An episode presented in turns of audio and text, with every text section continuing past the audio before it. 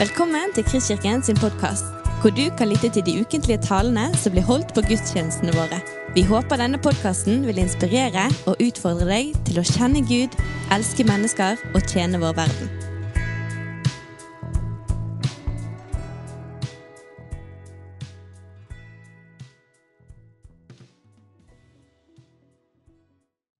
Her i Kristkirken så eh, har vi ofte litt sånn variasjon. Noen ganger så preker vi taleserier. Noen ganger går vi gjennom en eh, bibelsk bok. Og andre ganger så har vi gjestetalere som får lov å velge sjøl hva de prater om. Og så har vi da av og til noen sånne søndager som er mer sånn frittstående. Og da pleier vi ofte bare å eh, bla opp i det som er såkalt dagens tekst. Den norske kirke har jo, eh, og for så vidt mange kirker rundt om i verden har jo eh, en liturgi på det her. At de følger, følger, kirkeåret og da en tekst som hører til. Og Det er fint å gjøre av og til, fordi at det tvinger oss til å stoppe opp et eller annet sted i Bibelen og ikke velge det som vi først og fremst tenker på, men å få lov å se på et, skriftsted sammen og la det utfordre oss. og og berøre oss. Og det, er det vi skal gjøre her i formiddag. Neste søndag så starter vi eh, høstens første taleserie som vi har kalt 'Endelig mandag'. Det er en taleserie som dreier seg om koblingen mellom tro og arbeid. Og Det tror jeg blir bra. Så gleder jeg til den. Men først er det altså en bibeltekst. Og Vi skal lese ifra Johannes evangeliet, kapittel 4 og så er det fra vers 27 til 42. Johannes 4, vers 27 til 42. Og det, det som er litt, uh, litt, av greia her, er at vi kommer rett inn i en historie. Hadde vi fulgt uh, kirkeåret slavisk, og tekstene her, så hadde vi kommet inn og så hadde vi hørt begynnelsen av historien forrige gang. Men det er altså kvinnen ved brønnen, som det heter på fint. at Jesus og disiplene har vært ute og vandra, og det står det at til og med Jesus ble sliten. Og De måtte stoppe opp og finne, finne drikke. Så stoppa de opp ved brønnen i Samaria. altså De har gått utenfor det som er kjerneområdet til jødene, og inn i der samaritanerne bor, som jo er erkefiendene til jødene. Kan man si, og Så har de stoppa der for å ta en drikkepause. og Der møter altså Jesus en enslig kvinne ved brønnen. og Så har de en samtale Disiplene er ikke der, for de er sendt på oppdrag inn i byen for å kjøpe mat. De er både sultne og tørste.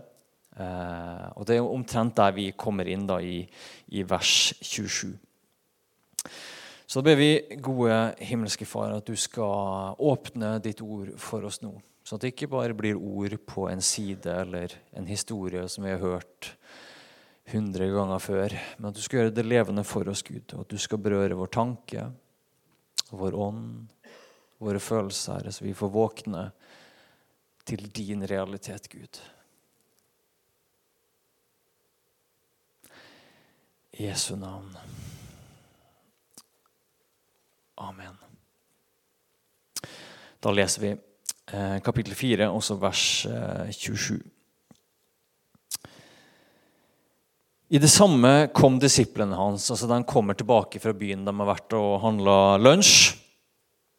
De kommer tilbake og ser Jesus sitte ved brønnen.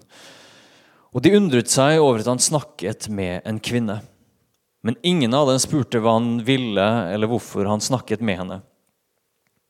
Kvinnen lot nå vannkroken sin stå og gikk inn til byen og sa til folk.: Kom og se, en mann som har fortalt meg alt det jeg har gjort.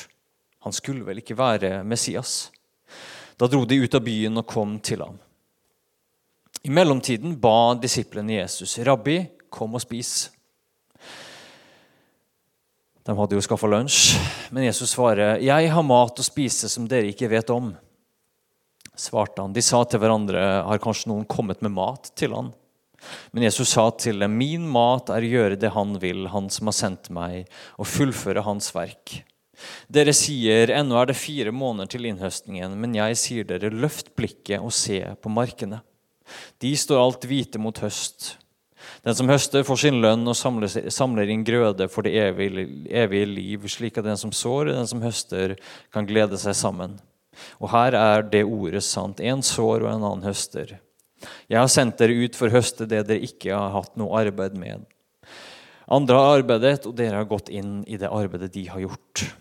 Mange av samaritanerne fra denne byen kom til tro på Jesus pga. kvinnens ord om da hun vitnet. Han har fortalt meg alt jeg har gjort. Nå kom de til ham og ba ham bli hos dem, og han ble der to dager. Mange flere kom til tro da de fikk høre hans eget ord. Og de sa til kvinnen, nå tror vi ikke lenger bare pga. det du sa. Vi har selv hørt ham, og vi vet at han virkelig er verdens frelser.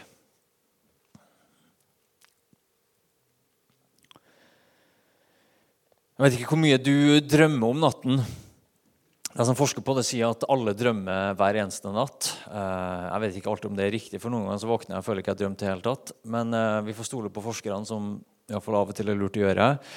Men når vi drømmer, så, eh, så kan det oppleves veldig virkelig der og da. Jeg har det ofte sånn når jeg drømmer, at jeg løper aldri fort nok. Enten skal, jeg, enten skal, jeg, vinne et eller annet løp, eller så løper jeg vekk fra noe som jager meg. men det går aldri fort nok. Det er akkurat som jeg løper i sirup. Og så tror ikke jeg det er noen sånn voldsom betydning eller tolkning i det. Det er mer bare en sånn følelse når jeg, når jeg, når jeg, når jeg drømmer at det her går så seint. Vi har bare løpt litt fortere, så hadde det gått helt strålende. Men så våkna jeg, da. Og en ting er en sånn drøm noen ganger. Så kanskje mer enn jeg var mindre, så hadde jeg et mareritt, og så våkna jeg og bare OK, det var bare en drøm. Yes, det her er virkelig. En gang så drømte jeg at jeg hadde gifta meg. Og da var jeg bare noen og tyve år. Jeg hadde gifta meg med feil person. Så drømte jeg at jeg våkna i senga med, den, eh, med, at det gikk opp for meg at jeg hadde feil person eh, ved siden av meg i senga. Og det var en sånn voldsom eh, følelse, ubehagelig følelse og en voldsom lettelse å våkne opp og kjenne at det her var bare en drøm. Nå er ikke drømmer vi skal snakke om i dag, men det vi kan snakke om, er at det er en kvinne som møter Jesus, og hun blir på en måte vekka. Og en hel by opplever vekkelse. Det er der ordet kommer fra. At man blir vekka ut av en eller annen tilstand, ut av en eller annen drøm, ut av en eller annen illusjon. Og så blir man vekka inn i det som er virkelig, inn i det som er mer virkelig. Vi får møte en kvinne som mest sannsynlig har sneket seg til brønnen eh, og lever på mange måter i umoral. Men hun, gjennom Jesus sitt ord så blir hun vekka opp til hvem Jesus er.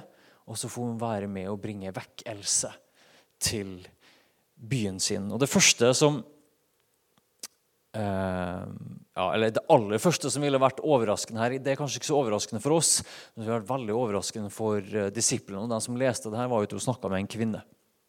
Eh, det står jo i teksten at, at, eh, at de ble ganske forundra over det her også. Vi er jo så vant med det, men det understreker bare nok en gang hvor radikal Jesus var i møte med datidens normer, kvinnesyn eh, og hvordan man gjorde ting. rett og slett. Jesus satt og snakka med en kvinne som var uhørt. Og ikke bare det, men Han satt og snakka med en kvinne som var samaritaner, og han var jøde. Der brøt han nok et tabu. Og så er det så fascinerende å se hvor radikal her ser du gjennom hele evangeliet, hvor radikal Jesus er for å nå mennesker. Bryte gjennom tabu, bryte gjennom forventninger for å nå inn til mennesker. Alle der er det jo for så vidt en, en, en preken altså, for hva som er relevant for oss i dag. Men det er ikke det vi skal fokusere på i dag. For det, det er ikke bare det som overrasker disiplene, men de har jo med seg lunsj. Jeg vet ikke, Han kjøpte vel brød eller noe. Og så har de med til Jesus, for her var jo oppdraget deres. Mest sannsynlig så har Jesus bedt dem om å gå inn og kjøpe brød. og Nå kommer de, og Jesus er jo avvisende. Det var jo hele grunnen til at disiplene hadde, hadde, gått inn i byen. Men nå sier jo Jesus at han har mat som ikke de vet om. Det var jo litt frekt å sende dem inn, og så har han hatt med seg noe i ryggsekken likevel. Bedre mat. sånn at Du sparer sandwichen som du sjøl har lyst på. Den sparer du mens du sender andre vekk. Men så svarer jo Jesus kryptisk. Han svarer på en måte først på en naturlig måte. Denne mat som dere ikke vet om. Disiplene tolker det 100% bokstavelig, som vi ser også igjen og igjen. Men så peker jo Jesus på en annen realitet. At min mat er å gjøre det som han vil, altså det som Gud vil. Han som har sendt meg, å fullføre hans verk. Og Det er det første jeg vil du skal legge merke til og ta med deg fra teksten i dag. At Jesus har blikket sitt oppover. Nå, i, i, begynnelsen av historien så får vi veldig sånn innblikk i det menneskelige Jesus som setter seg ned, og som er tørst. Som trenger mat, som trenger drikke. Men Jesus har også blikket et annet sted. Han har blikket oppover til sin far. Og så er det akkurat som at Jesus har fått en type mat som virkelig fyller han. Du vet, jeg har en sånn tendens at jeg av og til kan spise en hel chipspose, selv om det kanskje ikke ser sånn ut. Men etter at jeg har gjort det, så kjenner jeg jo at det er ikke det her som, som fyller meg. også. Eh, det er noe helt annet å få en full skål med blomkålsuppe. Det kan jeg leve en stund på. Men det er akkurat som at Jesus har fått mat som virkelig gir han energi. Han har fått noe som fyller hans dypeste natur og oppdrag.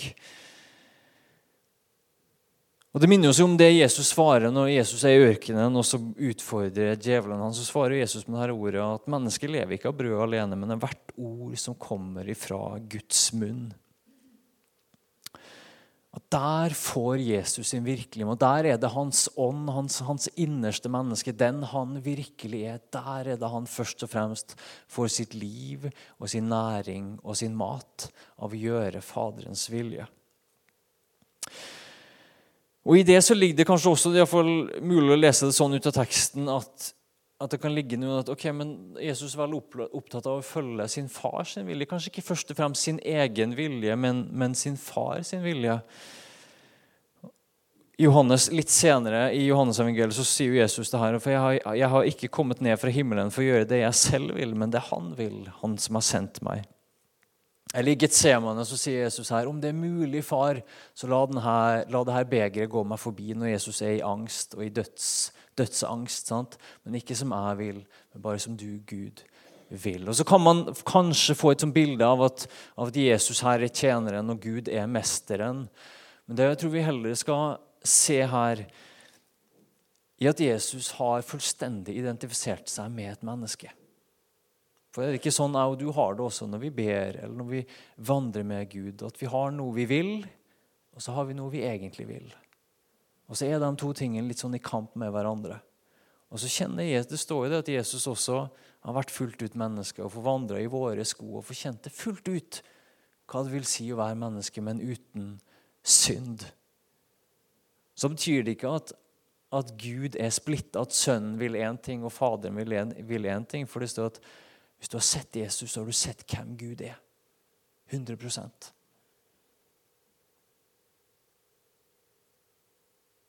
Men det viser at Jesus bøyer sin menneskelige vilje, og så retter han blikket mot sin far. Og så lever han i tillit til sin far. Du kan si at Jesus lever i tro.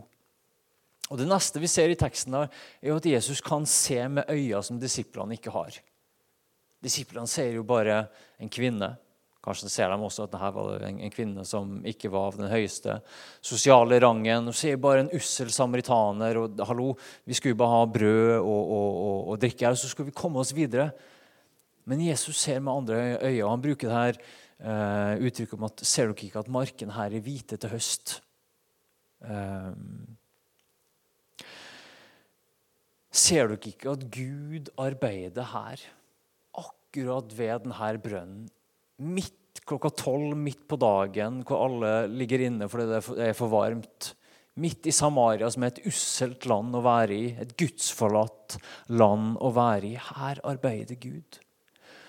Og så er det fordi Jesus lever i tro til sin far, så kan han også se med troens øyne. Så ser han en realitet som disiplene ikke ser.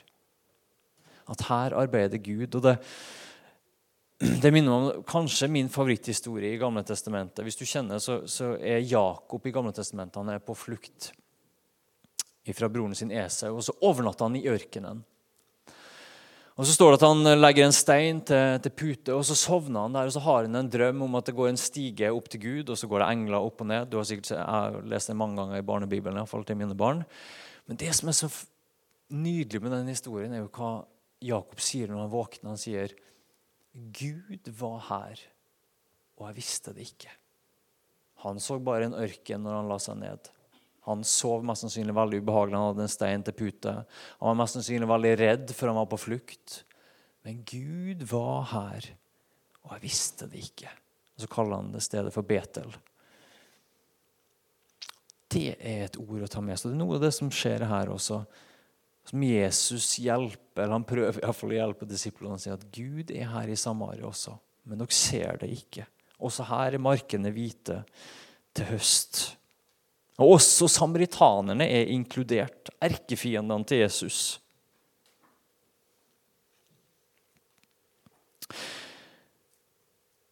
Og Så ser vi videre at det er det her ordet fra Jesus som virkelig gjør noen ting med kvinnen. Hun kommer jo forstyrrende til, til, til, landsbyen og sier 'Kom og se en som har fortalt meg alt jeg har gjort'. Og han spekulerer, Det kommer jo ikke fram fra teksten, men man spekulerer om det her Eh, altså Man får jo vite at hun er en som har levd med fem menn osv. Så, videre, så er hun lever i umoral på en eller annen måte. og Kanskje er hun prostituert, vi vet ikke. Men, men det kan jo være noen grunn til at hun kom til brønnen på det varmeste tidspunktet på dagen for å ikke bli sett av andre. Eh, og ikke bli minnet om det sosiale stigmaet som hun lever under. Og Hvis du er litt sånn som meg, så er det jo ikke alltid sånn kjempegøy hvis noen andre skal fortelle meg eller deg hva du har gjort. Iallfall ikke hvis det er noe galt eller hvis det er noe kritikk i det. Sånt, sånt. Vi har en sånn tendens til å få piggene litt ute uh, hvis det er noen som pirker borti hva det er vi har gjort. Og Iallfall hvis de peker på at det er noe feil eller noe galt. Men det er ikke kvinnens respons på Jesus sine ord. Det er jo helt motsatt. Hva er det med Jesus sine ord som frambringer en sånn respons at hun lar vannkrukken sin stå, og så løper hun inn til byen, og så sier hun til ja, 'Kom og se han som har fortalt meg alt jeg har gjort.' Men vi vet iallfall at det er et ord eller flere ord fra Jesus som vekker kvinnen. Som vekker kvinnen til tro på Jesus, som vekker kvinnen ut av sin egen skam og til helt åpenlyst fortelle ja, vet du hva, jeg har gjort gale ting. Men det går bra. Jesus er her.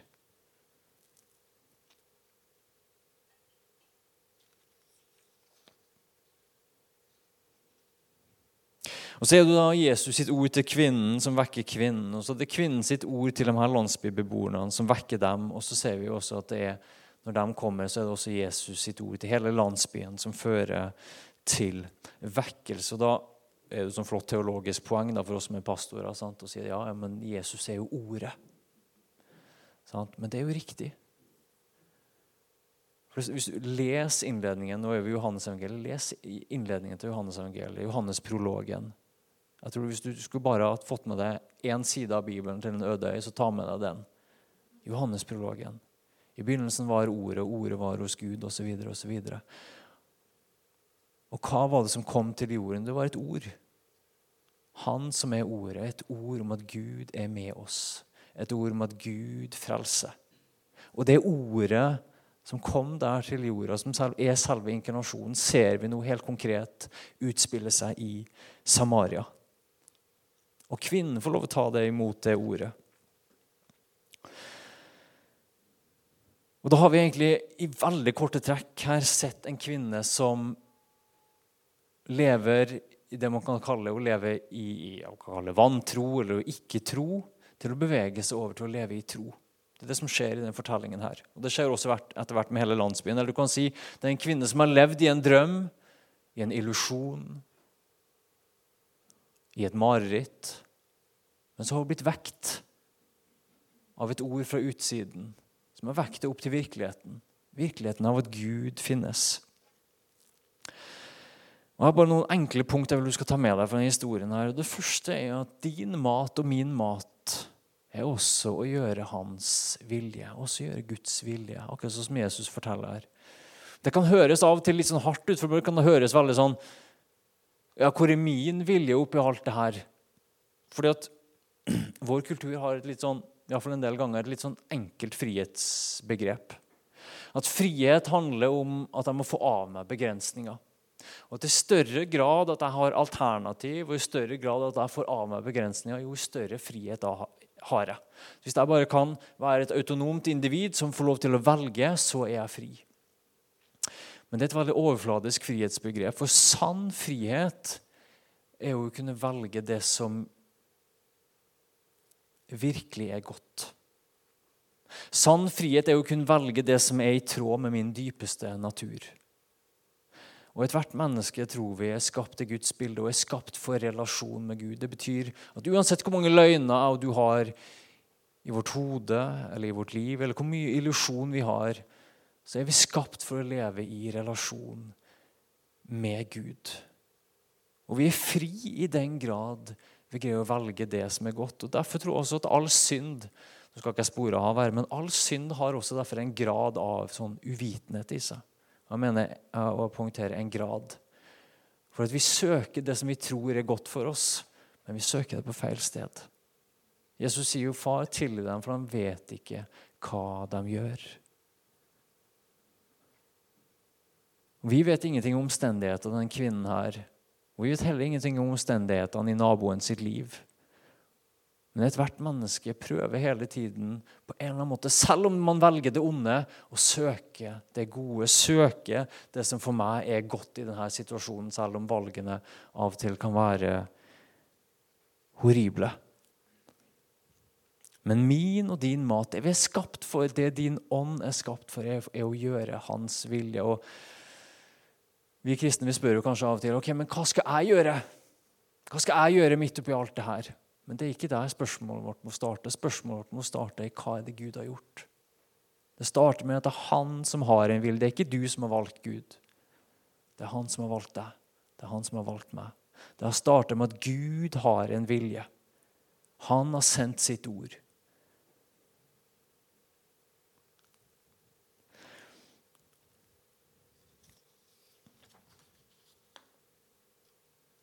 Og når vi får oppleve, Vi synger av og til en sang som heter hva heter den? Alt for Jesus. eller et eller annet sånt. Det er bare i din vilje at jeg virkelig er fri. Jesus må vi jo tro var det frieste mennesket noe som noensinne har levd. Men han valgte hele tiden det han så at hans far gjorde. Og Derfor er det at når jeg og du kun lever i vår egen vilje, i, i vårt eget ego, så lever vi i en drøm. Der kan vi gjøre alt vi vil, men det er ikke virkelig. Det er bygd på løgn, og det er bygd på illusjon, og det er bygd på vår egen rettferdighet. Og det livet blir et mareritt. Men så kan det akkurat som en kvinne. og Derfor vil jeg at du i formiddag skal identifisere deg først og fremst med kvinnen. Hvis du er litt ivrig kristen, så vil du veldig fort identifisere deg med Jesus her, og hvordan du kan være vekkelsesbæreren, og hvordan du kan se at markene er hvite til høst. Og det er veldig bra. Men vil at du først og fremst skal være kvinnen. For vi må være kvinnen før vi kan før vi kan gå videre.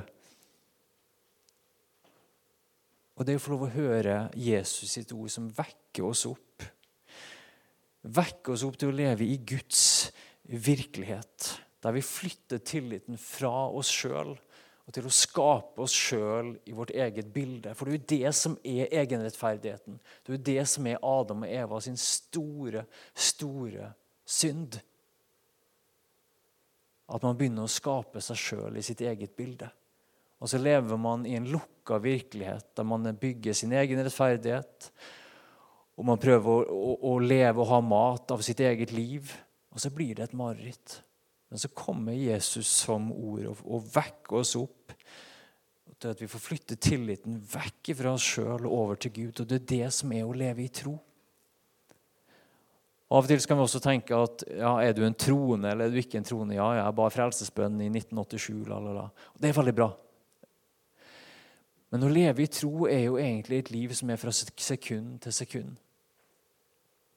Lever jeg i tillit til Gud, til hans rettferdighet, eller lever jeg i tillit til min egen rettferdighet? Det er ingen sånn engangsavgjørelse. Det er fra sekund til sekund, fra handling til handling. Og så ser vi det at Når Jesus lever i tro, så kan han også se. Han ser med helt andre øyne. Han ser at markene er hvite til høst. Og Når du lever i tillit til Gud, så kan vi også se annerledes. Da ser vi annerledes på naboen. Kanskje tenker du at det bare er stengt rundt deg, eller at en eller annen situasjon i familien er helt låst. Men når vi får flytte tilliten fra oss sjøl og over til Gud, fra vår egen rettferdighet over til hans rettferdighet, så ser vi med andre øyne. Ikke for at vi tar oss sammen, men for at vi får se ting fra Guds perspektiv. Og der er ikke ting låst. Der er markene hvite til høst.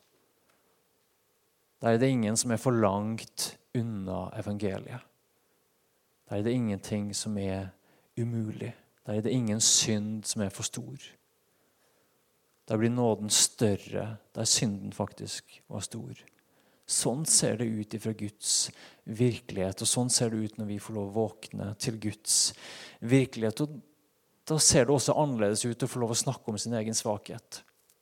Sånn som den kvinnen fikk oppdage. Når hun fikk flytte tilliten fra seg sjøl over til Gud, så var hun ikke redd for å snakke om sin egen synd. Hun utbasunerte det foran hele landsbyen For det var ikke det som definerte henne lenger. Hun hadde fått smakt Guds rike, gjenopprettende tilgivelse. Og så slår det her ordet, og da ville du skulle høre ordet med stor ord, rot i kvinnen, i landsbyen.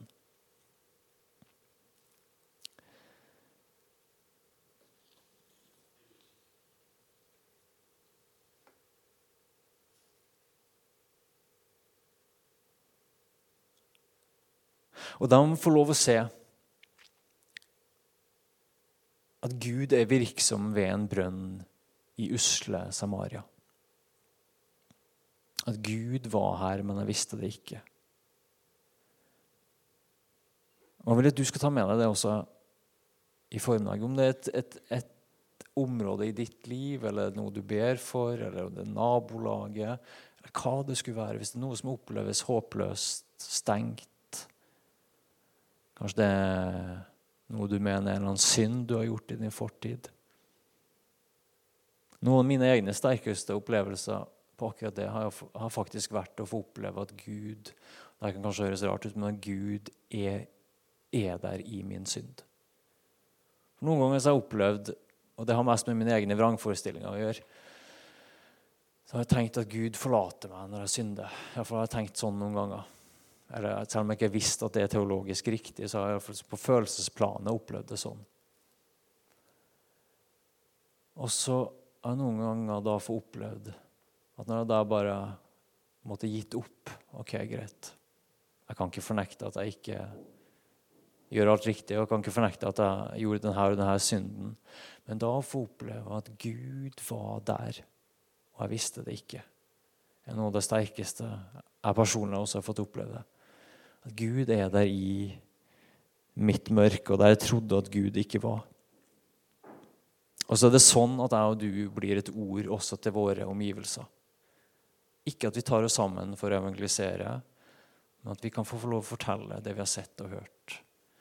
At vi kan få ha et ord. For hva er det som jeg husker noen ganger så, Det var min eldste datter det, som når hun var liten, så hadde hun Vi, vi er ikke plaget med veldig mye sånn mareritt uh, for barna våre. og sånn, og det men det hender jo selvfølgelig. Eh, og jeg husker at Amalie som hun heter, var, var, ganske liten. og Så våkner jeg og hun bare skriker og skriker og skriker kjempehøyt. Så småløper inn på rommet hennes og bare ja, hva er det, Amalie? Og så, så, svarer hun. Jeg får ikke helt kontakt. og det er ikke noe sånn, Jeg skjønner at det er ikke noe sånn fysisk galt med henne, men jeg får ikke kontakt med henne. Så jeg prøver liksom ja, Amalie, Amalie, hallo, liksom, pappa er her. og av en eller annen grunn så, så, så våkner hun ikke. og Hun var for liten til å forklare hva som hadde skjedd, men hun hadde mest sannsynlig et mareritt. Så jeg ble bare sittende med henne og snakke til og stryke på henne.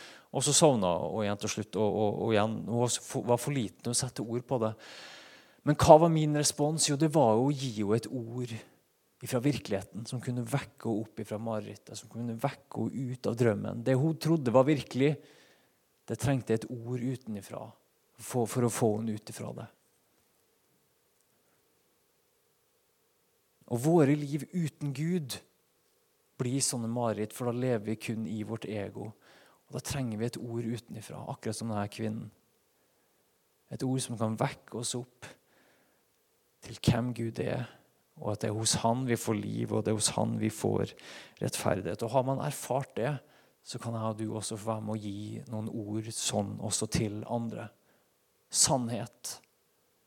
Du vet jo det, det er jo sånn vi har det i det menneskelige livet også, at løgn kan jo bare bli stående så lenge noen ikke sier det som er sant.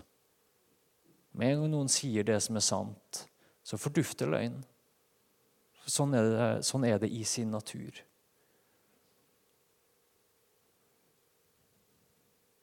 Og Derfor er det også at jeg, når jeg møter naboen på lekeplassen, som jeg gjorde for en stund siden, så kan jeg Istedenfor å overkjøre henne med evangeliet, for det var hun ikke klar for der og da, så kan jeg få oppmuntre henne for hun søkende og fortelle liksom, jeg går ikke så mye i kirka osv. Men jeg kan, men jeg kan oppmuntre henne at vet du hva? Gud ser enhver som søker. Og så kan jeg få være et ord inn i hennes virkelighet. Du har lyttet til en podkast fra Kristkirken i Bergen. Vi håper du har blitt inspirert og utfordret i din vandring med Gud. Vil du vite mer om oss, så klikk deg inn på kristkirken.no.